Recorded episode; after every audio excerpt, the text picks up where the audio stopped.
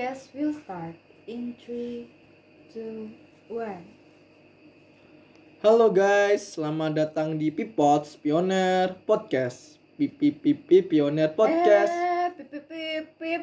Salah dong bro. Oh, salah ya? Hmm. Yang benar? Yang benar tuh 2124 Enjoy your time with Pipots Pioneer Podcast. Halo guys, selamat datang di podcast pertama kita. Nah, karena ini pertama kali, gimana kalau kita kenalan dulu nih? Oh, wajib dong kita harus kenalan dulu. Hmm, langsung aja nih. Nama aku Muhammad Sarul Aula atau biasa dipanggil Aula. Hmm, boleh juga dong dipanggil sayang. Eh, maaf, maaf nggak denger ya, maaf. Halo Aula. Oh Hmm. Halo, iya, halo. BTW kenalin juga nih nama aku Wasi Safani Siva, biasa dipanggil Wasi atau Siva dan eh, masih terbuka lah ya buat dipanggil Wasiku. Oh, enggak enggak. Halo Wasi. halo. Oh, ya gimana kalau kita ngasih nama para pendengar kita kali ini? Kira-kira namanya apa ya? Em, kan nama podcast kita nih Pipots ya. Benar-benar Eh, Pipots. Gimana kalau Pips? Ah, Pip. Apaan sih? Pip. Pips. P E E P S. Masa nggak tahu sih people. people itu. Oh ya ya tahu tahu tahu tahu. Hmm. Hmm. Bener-bener. Oke nggak apa-apa itu aja. Oh ya Pips, di thumbnail kan ada gambar dua burung ya. Nah, arti burung sendiri adalah kebebasan yang sesuai dengan karakter generasi kita nih Pips. Yap, dan burung adalah maksud kita ini Pip. Nama maksud kita adalah Piko dan Pika. Di sini aku Aula sebagai Piko. Dan aku masih sebagai Pika. Hmm. Oke, jadi langsung aja kan judul kita kali ini adalah Born to be Digital Pioneers nih, yang Iya. artinya terlahir untuk menjadi pelopor digital. Iya, iya. Nah, judul ini sebenarnya menjurus dengan generasi kita yang disebut Gen Z yang terlahir untuk menikmati kemewahan digital dan tumbuh besar dengan teknologi sejak lahir. Nah, generasi kita ini nggak pernah mengenal dunia tanpa internet dan dalam banyak hal kita ini adalah yang terdepan dalam membentuk masa depan kita. Oh, jadi kita itu Gen Z ya kak? Hmm, bukannya milenial. Bukan kok, emang sih Oh. masih banyak yang bilang kita itu generasi mile- milenial. Padahal generasi yang sering dipakai Padahal generasi remaja saat ini adalah generasi Z yang lahir pada tanggal Bukan kok, emang sih milenial masih sering dipakai untuk menuju pada generasi remaja. Padahal generasi remaja saat ini adalah generasi Z yang lahir pada tahun 1996 sampai 2015 menurut studi ilmu. Oh ya benar juga sih. Emang sejak lahir Gen Z udah dibekali dengan kecanggihan teknologi. Dan rata-rata kita itu memegang ponsel pertama itu di kisaran usia 10 lah. Iya, 10 10 Bener kan? bener-bener ya. Hmm, Zaman-zaman BlackBerry dan Evercost. Nah, bener tuh. Tapi aku zaman Samsung sih ya, Samsung Hmm, Galaxy enggak. Cat. Itu Ada mahal yang, banget, Eh, mahal. enggak, enggak, ya, enggak. Dulu paling mahal sih Samsung sih. itu. Enggak. Oh iya. Dan karena kita udah dibekali teknologi sejak lain, jadi tuh kita sekarang nggak bisa lepas gak sih dari HP? Bener. Bangun tidur aja nih yang dicariin langsung HP kan? Iya benar sekali Dan kemarin aja waktu survei di Instagram buat majalah sekolah, kebanyakan anak-anak semaga itu ngabisin setidaknya lebih dari 5 jam sehari untuk gunain gadget nih. Aku malah lebih dari 10 jam deh kayaknya. Sih ya. Oh, oh ya Z itu menurut aku udah kayak penduduk era digital sejati nggak sih? Hmm, karena cepet banget mendapat informasi dan akrab banget sama medsos. Nah, bener banget sih. Nggak heran sih, Gen Z ini sering melahirkan sejumlah influencer yang dikenal di lewat medsos. Hmm, kayaknya di Instagram, contohnya aja ada Rahel Fenya, Anya Geraldine, Ya, terus Fadil Zaidi. oh ya ya, benar-benar. Fadil Terus di YouTube ada Atta Halilintar, Chandra Leo. oh benar Chandra Leo dan masih banyak lagi lah. Ya, ya, Hmm. banyak. Z ini boleh dibilang punya peranan penting menciptakan dan menafsirkan sebuah tren. Nah, bener tuh. Apalagi dari pandemi ini, semua yang offline kan jadi online ya. Benar-benar. Jadi perubahan tren itu udah bermacam-macam, apalagi di TikTok nih, mulai tren dalgona coffee, terus dari zamannya pakai lagu Hmm, Play Play That tuh, To You, ya. sampai apa ya sekarang ya? Punya pamungkas itu. lagu to Oh, the boss iya, ya, bener. yang on YouTube. Terus nggak usah nyanyi, nggak usah nyanyi. Ya, bener jelek, jelek. Jadi nyanyi. Dan nggak kerasa udah setahun kita kayak gini. Oh, Hmm. Iya sih. Seperti yang Piko udah bilang tadi ya, generasi Z ini menurut aku udah terhubung secara global dalam hal musik, film, artis global. Begitu juga dengan mode seperti makanan, hiburan, tren sosial, dan komunikasi yang mampu menjaga banyak kalangan nih, Fir. Nah, iya juga sih. Nah, karena pandemi ini semua bisnis seluruh dunia memindahkan sebagian besar aktivitasnya ke online. Contohnya saja film sih yang Bener, bener, bener. akan ditayangkan ke bioskop terpaksa ditayangkan melalui situs resmi seperti Netflix atau Disney Star. Nah, bener juga tuh kok em, bicara soal film nih. Kita kan di zaman sekarang semuanya berbau teknologi ya, Hmm, Pips. Iya benar. Begitu juga dengan dunia perfilman nih. Kan banyak film sekarang yang memakai genre sci-fi. Contoh film sci-fi itu Maze Runner, Dead Cure, Ready Player Oh One, ya, Space Space Sweeper, dan masih banyak lagi film sci-fi lain yang menggunakan efek CGI sebagai jalan ninja. Jalan ninja mereka. Jalan ninja. Jalan. Oh bener juga tuh kok em, bicara soal film nih. Kita kan di zaman sekarang semuanya berbau teknologi ya Pips. Begitu juga dengan dunia perfilman nih. Kan banyak film sekarang yang memakai genre sci-fi. Contoh film sci-fi itu Maze Runner Cure, Ready Player One, Space Sweepers, dan masih banyak lagi film sci-fi lain yang menggunakan efek CGI sebagai jalan ninja mereka Contoh aja nih film Space Sweepers Hmm, Oke oke. Film ini kan bercerita di luar angkasa ya Masa kita Iya. juga harus syuting di luar angkasa nih Iya, ya mungkin, nggak Pasti mungkin. budgetnya kan tinggi nih kalau di Ya, luar benar. angkasa That's why dibutuhkan efek CGI ini Ya benar banget tuh. Hmm, bicara soal CGI nih. Indonesia sebenarnya punya nggak sih film yang bergenre sci-fi? Kan film dengan tema tersebut membutuhkan efek CGI yang banyak. Nah bener Pasti kalian semua mayoritas yang dengerin podcast ini belum tahu kan Kalau sebenarnya bener Nah bener Pasti kalian yang dengerin podcast ini mayoritas belum tahu kan Kalau sebenarnya di Indonesia itu udah ada film bergenre sci-fi Yang efek CGI-nya itu banyak banget tentunya Ah yang bener kak. Emang judulnya apa? Em, kasih tahu nggak ya? Hmm, jangan pelit lo ya, jangan pelit lo. Oke, judulnya adalah Foxtrot Six. Pernah denger nggak kalian, Pips? Ah, apa tuh, Pi? Kok aku nggak pernah dengar ya? Kalian? Ah, apa tuh kak? Kok aku nggak pernah dengar sih? Hmm, ya kan. Padahal ya film ini itu dibintangi sama Ova Antara, Chico Jericho, Rio Dewanto, Julia Estelle dan masih banyak lagi atau papan atas lain yang membintangi kalian. Nah, ya kan. Padahal ya film ini tuh dibintangi sama Ova Antara, Chico Jericho, Rio Dewanto, Julia Estelle dan masih banyak lagi atau papan atas lainnya. Nah, emang ada yang bilang film ini tuh ada beberapa bagian yang efek CGI-nya masih kasar. Tapi menurut aku itu udah bagus banget karena sebagai permulaan kemajuan bagi perfilman Indonesia gitu loh. Oh ya?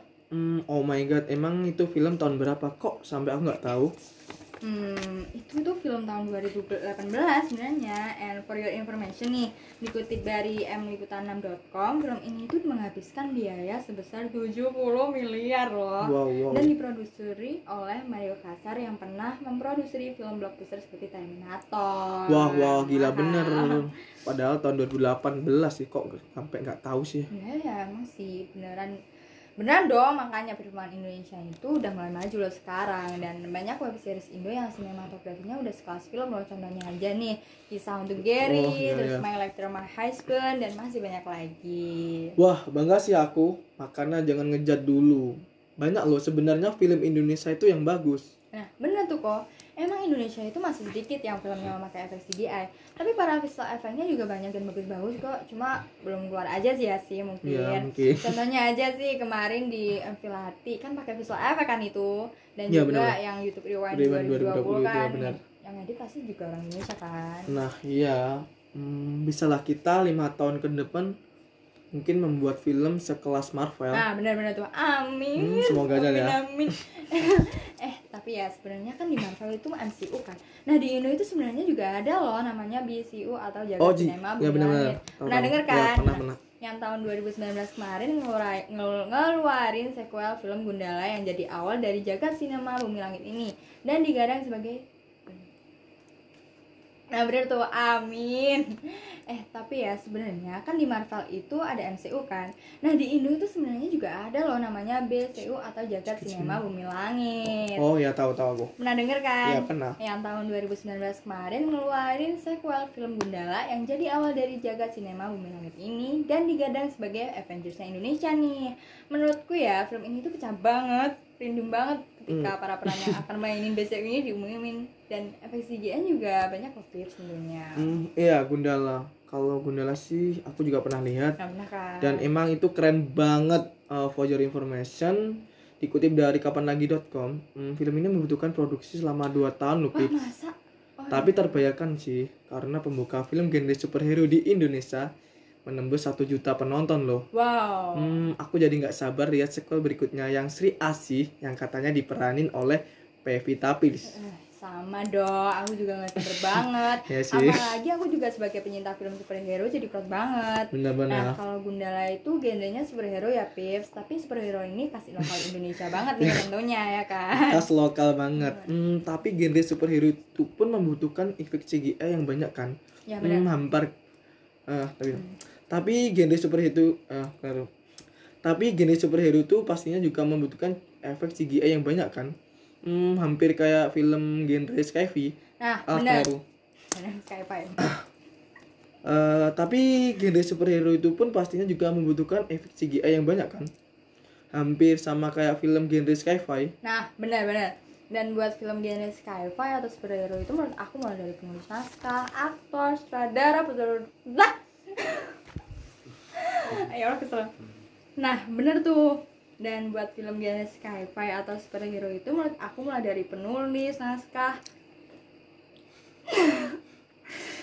Astagfirullah. Nah, bener tuh kok. Dan buat film genre sci-fi atau superhero itu, menurut aku mulai dari penulis naskah, aktor, sutradara, produser, cast crew deh pokoknya. Itu harus bagus dan matang ya. Ya, Jadi benar, budgetnya benar. mahal emang. Dan for your information, Astagfirullah. Nah, bener banget nih Pips. Dan buat film genre sci-fi atau superhero itu menurut aku mulai dari penulis naskah, aktor, sutradara, dari cast crew deh pokoknya itu harus bagus dan matang ya. Jadi bud- budget budgetnya itu memang. Nah, bener banget tuh. Dan buat film genre sci-fi atau superhero itu menurut aku mulai dari penulis naskah, aktor, sutradara, produser, sampai banyak naskah itu harus bagus dan matang ya. Jadi budgetnya emang mahal. And for your information nih, Mhm. Pips, dikutip dari channel YouTube The Things, film Marvel Avengers Endgame itu gunain sekitar 2496 shoot atau? Eh nyapa ya apa kok nyapa kok ngene orang anggap terkasih tapi ya lah ini aneh di Nah, bener banget tuh. Dan buat film genre sci-fi atau superhero itu menurut aku mulai dari penulis naskah, aktor, sutradara, produser sampai pembacaan naskah harus bagus dan matang ya. bener Jadi bener emang mahal. And for your information Pips, dikutip dari channel YouTube The Things, film Marvel Avengers Endgame itu gunain sekitar 2496 shoot dengan visual effect. Bayangin dong budgetnya berapa. Dan itu masih kalah loh sama serial barunya yang baru keluar Januari kemarin yang namanya WandaVision. Itu 2500 loh malah visual Wow. effectnya. Dan dikutip dari kompas.com, buat film sekelas Marvel kemarin aja yang Endgame itu budgetnya 5 triliun loh. Gila nggak sih? gila, gila Tapi banget sih. terbayarkan karena NV karena tapi terbayarkan karena Endgame sempat menggantikan film Avatar sebagai film terlaris sepanjang masa. wow tuh yang biasanya lihat bajakan lo nggak lihat biaya produksinya berapa Eh bentar bentar bentar bentar. Kayaknya kita harus beli kaca dulu ya buat ngaca. Bener juga sih. Biasa Hmm, jangan ditiru ya guys. Mulai sekarang kita harus lihat film lewat situs resmi. Benar tuh, astagfirullah. Nah, dari yang Pika bilang tadi, hmm. nah dari yang bilang ah. nah, dari yang dibilang Pika tadi, hmm, ngerti segitu banyak shot visual effect yang membuat aku semakin yakin. Balen. Wah, saya ngaduk blank. Ah, Nah, dari yang dibilang Pika tadi, segitu Ih, mulai ngeblank aku bangsat. Pak. Se- Hmm, ngerti segitu banyak visual effect ngebuat aku makin yakin nih kalau para editor visual effect ini paling dicari di masa depan. Apalagi udah banyak kan gini film sci-fi Hmm, dan di bener-bener. Indonesia ini pasti ke depannya banyak yang gunain visual effect ini Hmm. di sequel Patriot Bumi Langit Iya, iya. selanjutnya ya apalagi hmm, Ya, insya insya Allah Allah ya mungkin- mungkin generasi ini yang bakal bergerak untuk meneruskan film Fox Six dan Gundala itu Amin amin amin. dan semoga aja ke depannya perfilman dan semoga aja ke depannya perfilman Indonesia ini makin maju dan pemerintah ikut mendukung contohnya nih pemerintah memblokir situs bajakan se se se Gue ngomong amin amin Yo, amin amin amin. hmm, semoga aja ke depannya perfil Amin amin. kau ganti aku anjir Ya, ya. Amin amin amin. Hmm. tak simpen sik yo bener tak simpen sik yo yo Astagfirullah. yo Tapi ngerti segitu banyak shoot visual effect ngebuat aku yakin yakin nih kalau para editor visual effect ini paling dicari di masa depan. Bener juga Apalagi sih. udah banyak yang pakai genre film sci-fi ini dan di Indonesia pasti ke depannya banyak yang gunain visual effect itu kan. bener dan bener di sequel Patriot Bumi Langit selanjutnya ya apalagi hmm, insya Allah mungkin generasi ini yang bakal bergerak untuk meneruskan film Fox Rock Six dan Gundala ini. Amin amin amin. Dan semoga aja ke depannya perfilman Indonesia ini makin maju Ya. dan pemerintah ikut mendukung. Contohnya nih pemerintah ngeblokir situs bajakan. Cekan. itu juga merupakan dukungan loh karena biaya produksi kan mahal Ya, kan? mahal masa lihat film yang budgetnya tinggi lewat situs bajakan Iya, iya, dong benar, benar, kasihan para kru dan cast yang udah kerja Ya, keras gitu benar, buat ya. film kita harus menghargai dong pips kerja keras mereka jika pemerintah terus mendukung insya Allah harapan kita ini bisa terwujudkan di masa depan Amin. Amin. kita juga sebagai warga Indonesia generasi Z ini harus mendukung juga pastinya apalagi tahu kan waktu dan budget yang dikeluarin buat produksi berapa nah ayo kita dukung perfilman Indonesia ini semakin maju di masa depan. Nah bener banget tuh kok. Dan menurut aku komunitas perfilman Indonesia itu gak bakal hilang Dan bakal banyak peminatnya di masa depan. Bener, bener. Karena film itu semakin tahun pasti semakin bagus kan? Dan menurut aku dunia perfilman mulai dari aktor, kru, cast, semuanya deh pokoknya merupakan Iya. job yang banyak peminatnya di generasi ini benar Apalagi sekarang semuanya serba lewat HP kan Pips Yang sukanya lihat film hmm, Terus tadinya ke bioskop Terus termasuk aku juga lagi kangen bi- banget sama bioskop nih gara pandemi Banget, ini kayaknya jadi lewat HP kan. Iya. Hmm.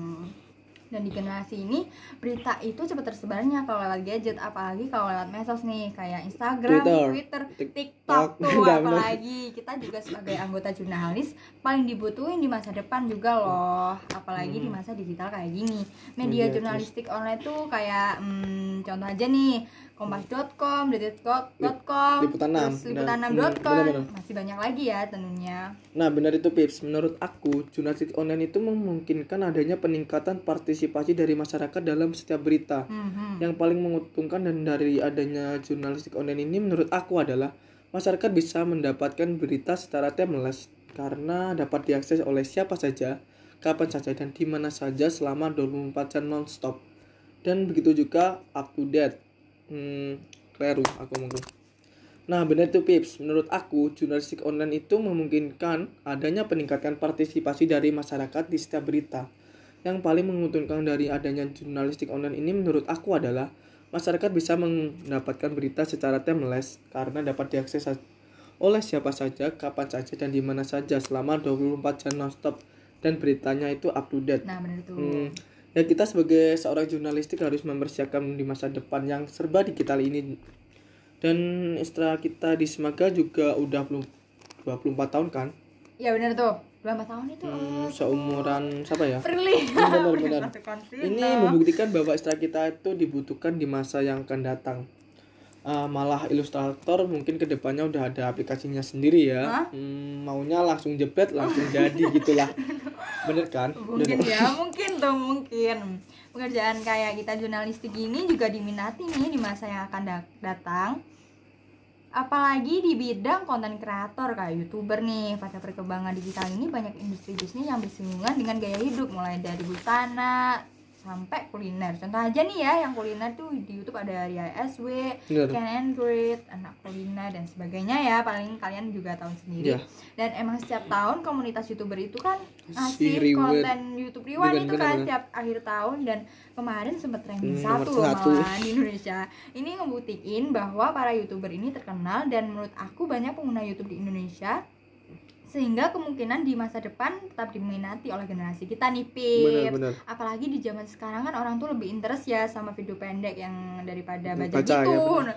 kayak tutorial kan Tutorial lebih enak kan kalau lewat video enak, makanya di bener-bener. masa depan konten seperti ini itu paling dicari menurut aku ya Eh, bener banget tuh. Tapi ya bicara soal Gen Z, eh, kelemahan generasi ini menurut aku kita itu suka hal-hal yang berbau instan. nah bener bener bener banget deh contohnya aja nah nah nah bener banget tuh. Contohnya aja ya sekarang itu udah banyak peralatan rumah tangga yang pakai sistem robotik nih mulai dari sapu apa ya satu sapu, Sapu elektronik iya, tuh. iya, elektronik. terusan yang sebor sebor debu sebor debu sedot debu itu benar dan CCTV kan juga ada ah dan, iya terus dan yang sampai yang sekarang itu ada yang lagi viral. Viral kan ada sekarang tilang online kan? Ah, tilang online ya tilang online tuh ada barusan. Nah ya, for your information, ada kenaikan sekitar 20% pada peng- pada penggunaan robotik pad Hmm, ya. Nah ya, for your information, ada kenaikan 20% pada penggunaan robot pada industri di Indonesia. Ini pertanda bahwa in- Belan, belan, kan gini. Nah, bener banget tuh. Contohnya aja nih, sekarang kan udah banyak peralatan rumah tangga yang pakai sistem robotik nih, mulai Hmm, bener. dari sapu elektro, eh, sapu elektro, sapu elektronik, Iya benar itu. terus penyedot debu, terus apa lagi ya? Hmm. Terus CCTV. itu yang CCTV, iya. CCTV Kan sekarang online, Udah ada tilang, tilang online, online, kan ya benar. CCTV online, tilang online bro. Nah ya, for your information, ada kenaikan 20% pada penggunaan robot pada industri di Indonesia loh. Ini menjadi pertanda bahwa implementasi robot Indonesia sudah mulai dimulai pips. Hmm, kata Mugi Arfianja, Head of Robotic in Indonesia. Nah, oh gitu ya 20% Hmm, Emang ya di era digital ini semua itu serba teknologi banget ya, oh ya. bener banget. Hmm, juga Indonesia menempati posisi kedua loh sebagai negara dengan im- optimisme tertinggi dalam menempatkan industri 4.0 yakni sebesar 78% dikutip dari mrepublika.co.id. Hah? Industri 4.0? 40? 40? Apa Oh, itu 4.0? 40? Jadi gini, menurut Wikipedia, Industri 4.0 adalah nama tren otomasi dan pertukaran data terkini dalam teknologi pabrik. Atau Industri 4.0 ini menghasilkan pabrik cerdas. Oh gitu ya, wah pips Hmm. Eh, Gini ya, buat generasi Z nih, termasuk kita juga ya kok ya. Eh, Sebenarnya kita itu jangan suka serba instan Karena Nah, untuk bener. membuat teknologi itu juga butuh proses loh ya Gak mungkin kan buat teknologi langsung jebret langsung jadi itu gak mungkin ya ya Nah, jangan semua itu serba instan pips. Makin lama semua itu pakai teknologi. Kalau kamu malas-malasan dan cuma suka yang instan aja, kamu bakal ketinggalan jauh sama yang lain. Nah, benar tuh kita sebagai generasi Z, mari bareng-bareng membuat Indonesia maju ke depannya dengan kecanggihan teknologi di era digital ini. Benar, benar. Menurut aku ya, komunitas-komunitas yang berhubungan erat dengan teknologi dan medsos ini paling diminati nggak sih di masa depan? Nah, benar banget tuh, Kak.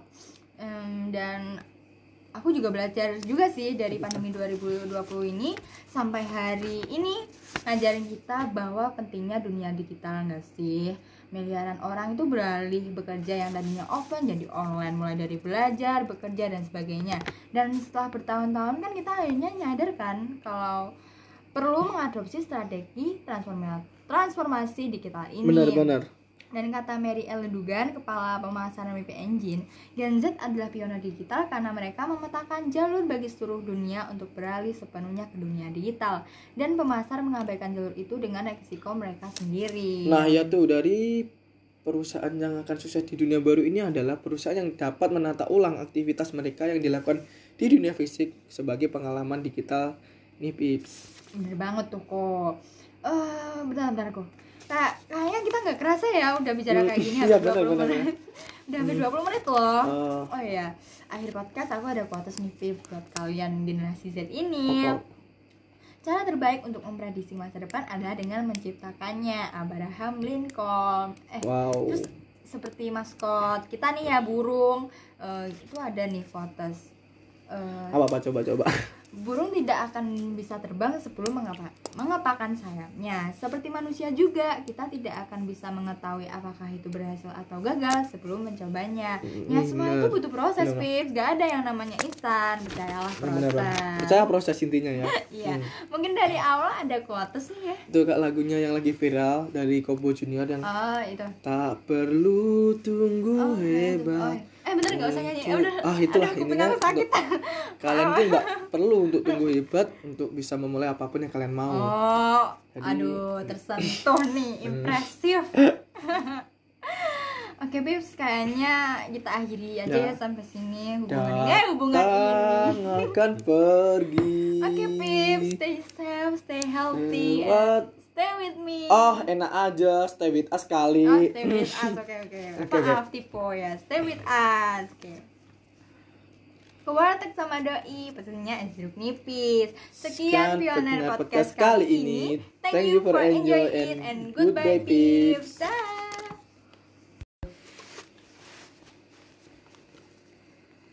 Attention please. The podcast will start in 3, 2, 1 Halo guys, selamat datang di Pipots Pioneer Podcast. Pipi pipi Pioneer Podcast. Eh, pip pip pip Oh, Emang TikTok salah ya? Salah dong bro yang benar. Yang benar tuh ya 2124 Enjoy your time with Pipot Pioneer Podcast. Aha. Halo guys, selamat datang di podcast pertama kita Nah karena ini pertama kali Gimana kalau kita kenalan dulu nih Oh ya harus kenalan dulu dong. Langsung aja nih nama aku Muhammad Sarul Aula atau biasa dipanggil Aula. Hmm, boleh juga dong dipanggil sayang. Dede dede mama Apa tidak salah dengar? Oh BTW, halo Aula Halo, Wasi. Kenalin juga ya, nama aku Wasi Safani Siva Biasa dipanggil Wasi Atau bisa juga sih dipanggil Siva Hmm, dan masih terbuka juga buat dipanggil Wasiku. Hmm, basiku. Hmm. Oh ya, gimana kalau kita ngasih nama untuk para pendengar kita kali ini? Hmm, kira-kira namanya apa ya? Em, bentar deh, kan nama podcast kita ini Pipots nih ya. Gimana kalau Pips? Hah, Pip? Apaan nih? Pips. P E E P S. Oh, Artinya people. people itu Oh, ya, loh. tahu, tahu, Bisa tahu. nggak tahu Hmm, sih. Oke, oke. Oh iya Pips, kan di thumbnail ada gambar dua burung ya. Nah, arti burung sendiri adalah kebebasan yang sesuai dengan karakter generasi kita nih. Ya, dan burung adalah maksud kita, Pips. Nama maksud kita adalah Piko dan Pika. Di sini aku Aula sebagai Piko. dan aku Wasi sebagai Pika. Em, Oke, jadi judul kita kali ini adalah Born to be Digital Pioneers yang artinya terlahir untuk menjadi pelopor digital. Dan aku Wasi sebagai Pika. Hmm, Oke, jadi judul kita kali ini kan Born to be Digital Pioneers ya, yang artinya terlahir untuk menjadi pelopor digital. Nah, judul ini sebenarnya menjurus dengan generasi kita yang disebut Gen Z yang terlahir untuk menikmati kemewahan digital dan tumbuh besar dengan teknologi sejak lahir. Nah, generasi kita ini nggak pernah mengenal dunia tanpa internet dan dalam banyak hal kita adalah yang terdepan dalam membentuk masa depan kita. Oh, jadi itu kita Gen Z ya, Kak? Hmm, Iya, aku benar. kira milenial. Bukan kok, emang sih milenial masih sering dipakai untuk merujuk pada generasi remaja. Padahal nih ya, generasi remaja saat ini adalah generasi Z yang lahir pada tahun 1996 sampai 2015 menurut studi ilmu. Oh, bener juga ya. Emang kita sejak lahir Gen Z itu udah dibekali oleh kecanggihan teknologi. Dan rata-rata kita memegang ponsel itu di usia 10 tahun lah. 8 tahun ya, 10 tahun. 10 tahun ya. Hmm, Zaman-zaman BlackBerry atau Evercost. Aku sih tim apa ya? Tim Samsung ada yang sama Enggak, kamu enggak. nggak Nggak sih? ada, nggak ada. Itu mahal banget. Punya Mahal Sultan. apanya ya? Aku Sultan, masih HP Sultan sih. Samsung Jamet.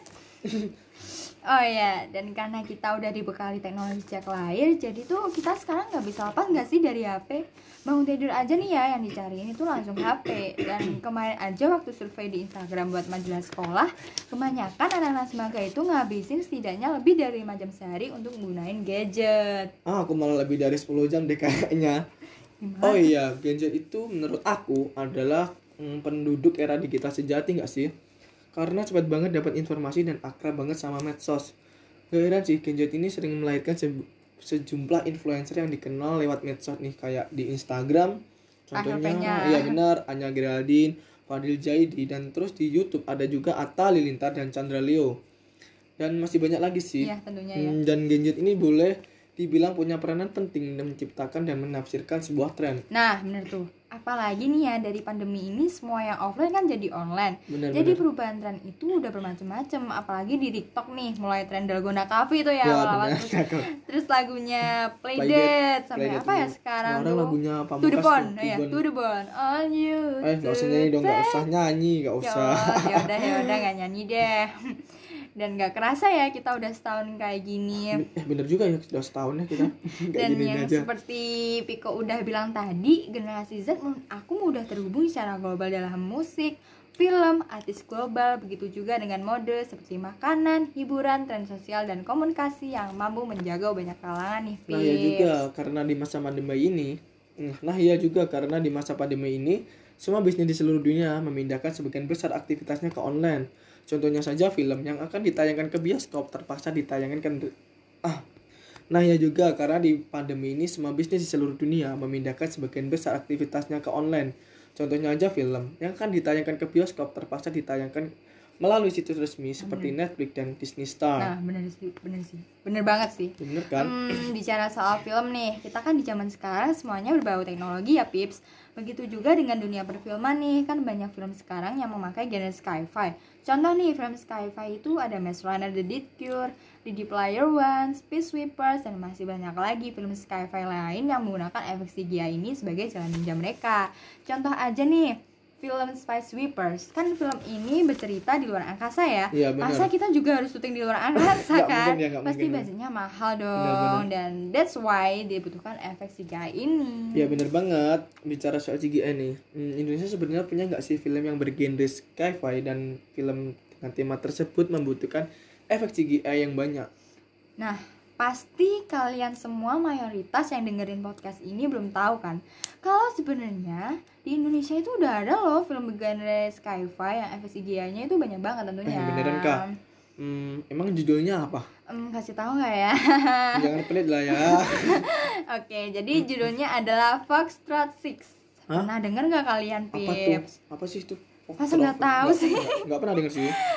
Ini loh. Padahal film ini itu dibintangi sama Oka Antara, Chico Jericho, Rio Dewanto, Julia Estelle, dan masih banyak lagi aktor papan atas yang membintangi film ini. Nah, emang ada yang bilang film ini tuh ada beberapa bagian yang efek CGI-nya masih kasar.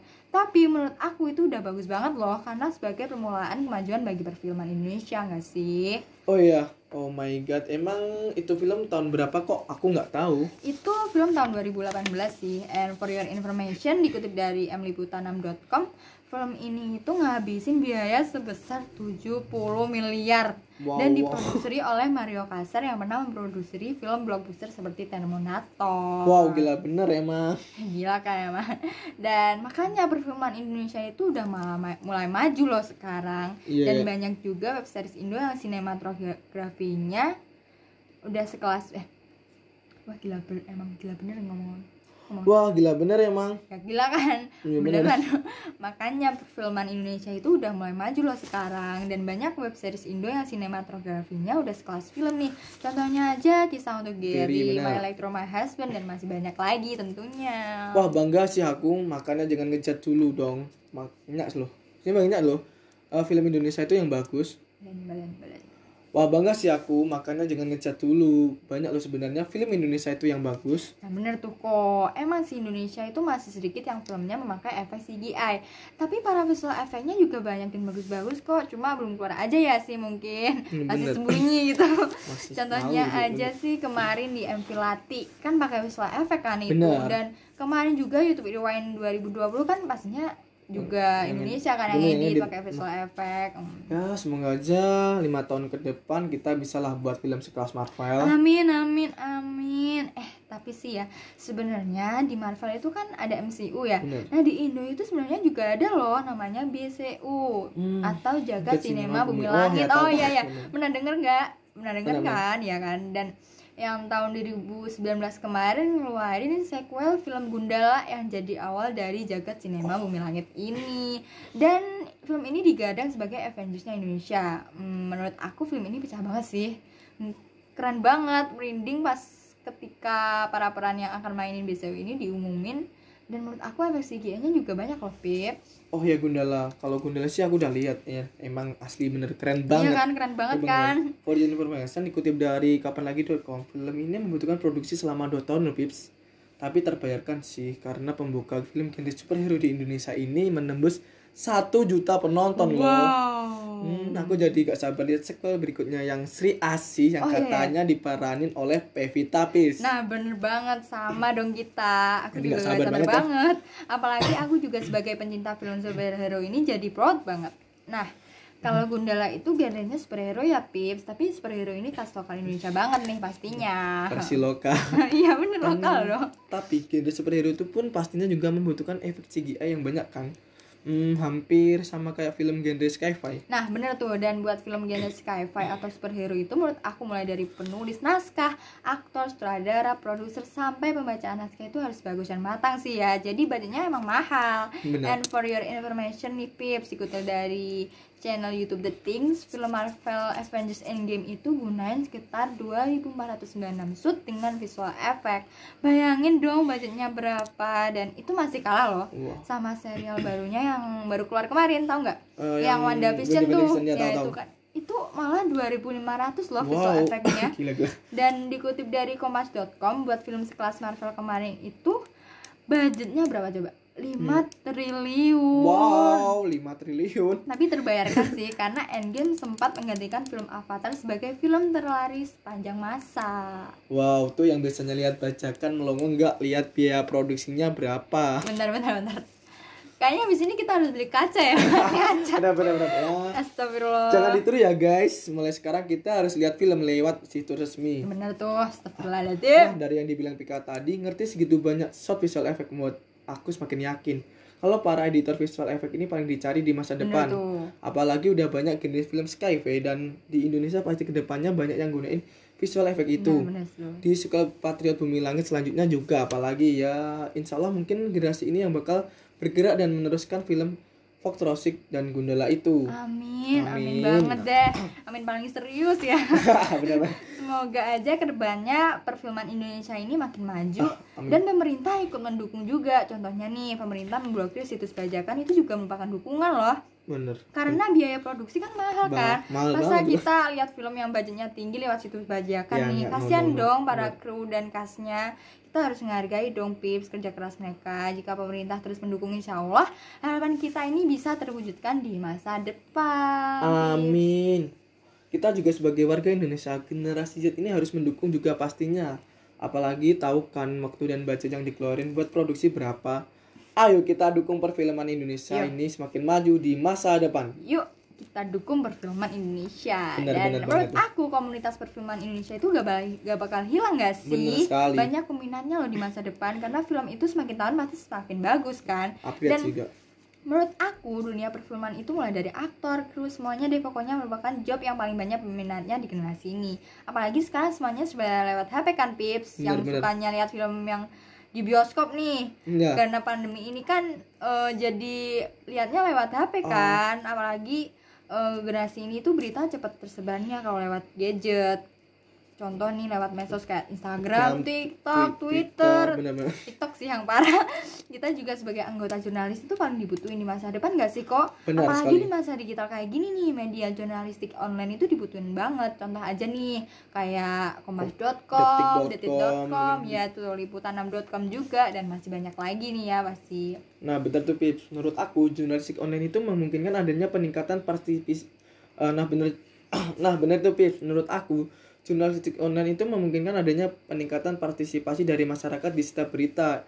Yang paling menguntungkan dari adanya jurnalistik online ini menurut aku adalah masyarakat bisa mendapatkan berita secara timeless karena dapat diakses oleh siapa saja, kapan saja dan di mana saja selama 24 jam nonstop dan beritanya itu up to date. nah Hmm, bener tuh yang kita juga sebagai seorang jurnalistik harus mempersiapkan di masa depan yang serba digital ini. iya iya iya iya. Dan juga ekstra kita ini kan di Semangga udah sekitar 24 tahun kan. eh iya 24, 24 tahun sih 24 tahun 24 oh, tahun itu se- seumur oh Prilly tuh konsina ah benar sih itu benar-benar. Ini membuktikan bahwa ekstra kita ini harus terus dibutuhkan di masa yang akan datang. Malah ilustrator mungkin ke depannya udah ada aplikasinya sendiri ya. eh bener tuh Maunya apa langsung jebret itu langsung jadi gitu lah gitu. Astagfirullah ya mungkin banget sih itu Bener. tapi pekerjaan kayak kita jurnalistik ini juga diminati nggak sih di masa depan? Apalagi di bidang konten kreator nih kayak youtuber contohnya. Pada perkembangan digital ini banyak industri bisnis yang bersinggungan dengan gaya hidup mulai dari busana sampai kuliner nih. Contoh aja nih yang kuliner di YouTube kayak Ria SW, Ken and Grid, anak kuliner dan pasti kalian semua udah tahu Ya, ya tahu banget sih. Tak terkenal Dan- gitu. ya, dan emang setiap tahun komunitas youtuber Indonesia kan ngasih konten YouTube Rewind itu kan setiap akhir tahun dan kemarin kan malah sempet Trending trending, satu, satu, membuktikan bahwa para youtuber ini terkenal dan menurut aku banyak pengguna YouTube di Indonesia ini sehingga kemungkinan di masa depan tetap diminati oleh generasi kita nih pips Iya. apalagi di zaman sekarang kan orang tuh lebih interest ya sama video pendek daripada, daripada baca, baca, ya kayak ya. tut- tutorial tuh kan lebih enak kalau lewat video nih makanya di masa depan konten seperti ini tuh paling cari menurut aku Tapi bicara soal Gen Z, kelemahan Gen Z ini menurut aku kita ini suka hal-hal yang berbau instan kan Nah, bener banget sih. Bener banget. Bener ya? Contohnya aja nih kan sekarang udah banyak tuh peralatan rumah tangga yang pakai sistem robotik tuh, sapu elektronik, terusan penyedot debu. debu bener-bener Terus yang baru-baru ini eh, CCTV, CCTV kan sekarang yang tilang kan udah mulai pakai CCTV online itu itu ya bener beneran. tuh, hilang Iya online. benar. Nah ya for your information ada kenaikan sekitar 20% pada penggunaan robot pada industri di Indonesia. Ini menjadi pertanda bahwa implementasi robot di Indonesia udah mulai di- bisa udah ah nah for your information ada kenaikan sekitar 20% pada penggunaan robot pada industri di Indonesia. Ini menjadi pertanda bahwa implementasi robot Indonesia sudah mulai di ah. Nah ya for your information kenaik ada kenaik ah. Nah ya, ah, nah ya for your information, ada kenaikan sekitar 20% pada penggunaan robotik pada industri di Indonesia. Ini menjadi pertanda bahwa implementasi robot Indonesia sudah bisa dimulai. Pips kata Oh, gitu. Mugi Hafinja, Head of Robotic in Indonesia. Wah, gitu ya. Emang Bener di era digital ini serba teknologi banget ya kok ya. Benar banget. Dan Indonesia juga menempati posisi kedua sebagai Indo- Nah, benar banget. Indonesia juga menempati sebagai posisi kedua. Aduh, lalu. Wah, emang ya di era digital ini serba teknologi banget ya kok ya. Benar banget, dan Indonesia juga menempati posisi kedua sebagai negara dengan optimisme tertinggi dalam menerapkan industri 4.0 yaitu sebesar 78% Wow. dikutip dari mrepublica.co.id. Eh bentar bentar bentar. Industri 40, 40. 40 itu apa sih? Industri Ma- apa? Industri 4 4.0 yang benar. Oh. Menurut Wikipedia, industri 4.0 adalah nama tren otomasi dan pertukaran data terkini dalam teknologi pabrik. Atau industri 4.0 ini menghasilkan pabrik cerdas lah. Oh, gitu ya kok. Nah, itu pis buat Gen Z nih dan kita juga sih kok ya. Iya, benar, kita Sebenarnya juga jangan suka serba instan karena untuk membuat teknologi kan juga butuh proses tuh. Gak mungkin kan buat teknologi langsung jadi gitu. Nah, dengan semua serba instan pips. Makin lama semua itu pakai teknologi. Hmm, kalau kamu malas-malasan dan kamu juga suka yang instan, ya kamu bakal ketinggalan jauh sama yang lain. Nah, bener tuh gue. Eh, nah bener juga nih. Eh, lah, balen. Nah, dengan semua serba instan pips, makin lama semua Balen, kan ini. Wow, itu pis buat Gen Z dan kita juga nih. Kok sebenarnya jangan suka serba instan karena untuk membuat teknologi kan juga butuh proses loh. Nggak mungkin kan buat teknologi langsung jadi jebret gitu. Jadi kan Nah, mungkin benar. gitu. Jangan semua serba in- ah, nah, jangan semua serba instan. Ah, nah, jangan semua serba instan pips. Makin lama semua semakin pakai ah. Wow, Pips. Bener tuh yang dia omongin Piko. Buat Gen Z dan kita juga nih sebenarnya jangan suka serba instan karena untuk membuat teknologi juga butuh proses loh. Nggak mungkin kan buat teknologi langsung jadi. Benar juga. Nah, jangan semua serba instan pips. Makin lama semua itu pakai teknologi. Kalau kamu malas-malasan dan cuma suka yang instan aja, hmm, kamu bakal ketinggalan jauh sama yang lain. Nah, juga kita generasi Z kan kok kan mari bareng-bareng. Nah, kita juga sebagai generasi Z mari bareng-bareng ngebuat Indonesia maju ke depannya dengan kecanggihan teknologi di era digital ini. Menurut aku ya, komunitas-komunitas yang berhubungan erat dengan teknologi dan medsos itu paling diminati nggak sih di masa depan? Nah, benar banget tuh, Kak. Dan emang pandemi 2020 ini sampai 2021 ini ya Iya, sampai hari ini mengajarkan kita bahwa pentingnya dunia digital nggak sih? Milihan orang itu beralih bekerja yang tadinya offline jadi online. Mulai dari belajar bekerja dan sebagainya. Benar, dan benar. setelah bertahun-tahun kita akhirnya mengetahui bahwa perlu mengadopsi strategi transformasi digital ini. Benar. Kata Mary Ellen Dugan juga, kepala pemasaran WP Engine, Gen Z adalah pionir di kita karena mereka mematakan jalur bagi seluruh dunia untuk beralih sepenuhnya ke dunia digital. Dan pemasar mengabaikan jalur itu dengan resiko mereka sendiri. Nah, ya tuh. Jadi perusahaan yang akan sukses di dunia baru ini adalah perusahaan yang dapat menata ulang aktivitas mereka yang dilakukan di dunia fisik sebagai pengalaman digital ini, Pips. Bener banget tuh kok. Hmm, eh bentar kok. Kayaknya udah hampir 20 menit nih kok. Eh, bener juga sih. Gak kerasa ya. ya, benar. Dan, ah, bentar nih. Akhir podcast aku ada quotes nih, Pips. Cara terbaik untuk memprediksi masa depan adalah dengan menciptanya. Wah. Menciptakannya, menciptakannya. Benar, Tuh, benar. Dari Abraham Lincoln dan seperti maskot kita nih ada quotes juga nih. Gimana, burung gimana? tidak burung tidak akan bisa terbang sebelum mengapakkan sayap. Nah seperti manusia juga kita tidak akan bisa mengetahui apakah itu berhasil atau gagal sebelum mencobanya. Wah, nah semua itu. butuh proses Pips. Gak ada yang namanya instan. Percayalah Ya, proses. percaya proses intinya. ya bener. Mungkin dari awal ada quotes Eh, itu dari lagu yang lagi viral, lagunya Kobo Junior oh itu yang, itu ya yang tak perlu tunggu hebat aduh benteng. Untuk berani memulai bentengnya pecah nih yang aku. kau harapkan. ya itulah intinya untuk kalian nggak perlu tunggu hebat untuk kalian melakukan sesuatu yang Nah. ingin kalian nah lakukan itu intinya ya. Benar-benar oke Pips.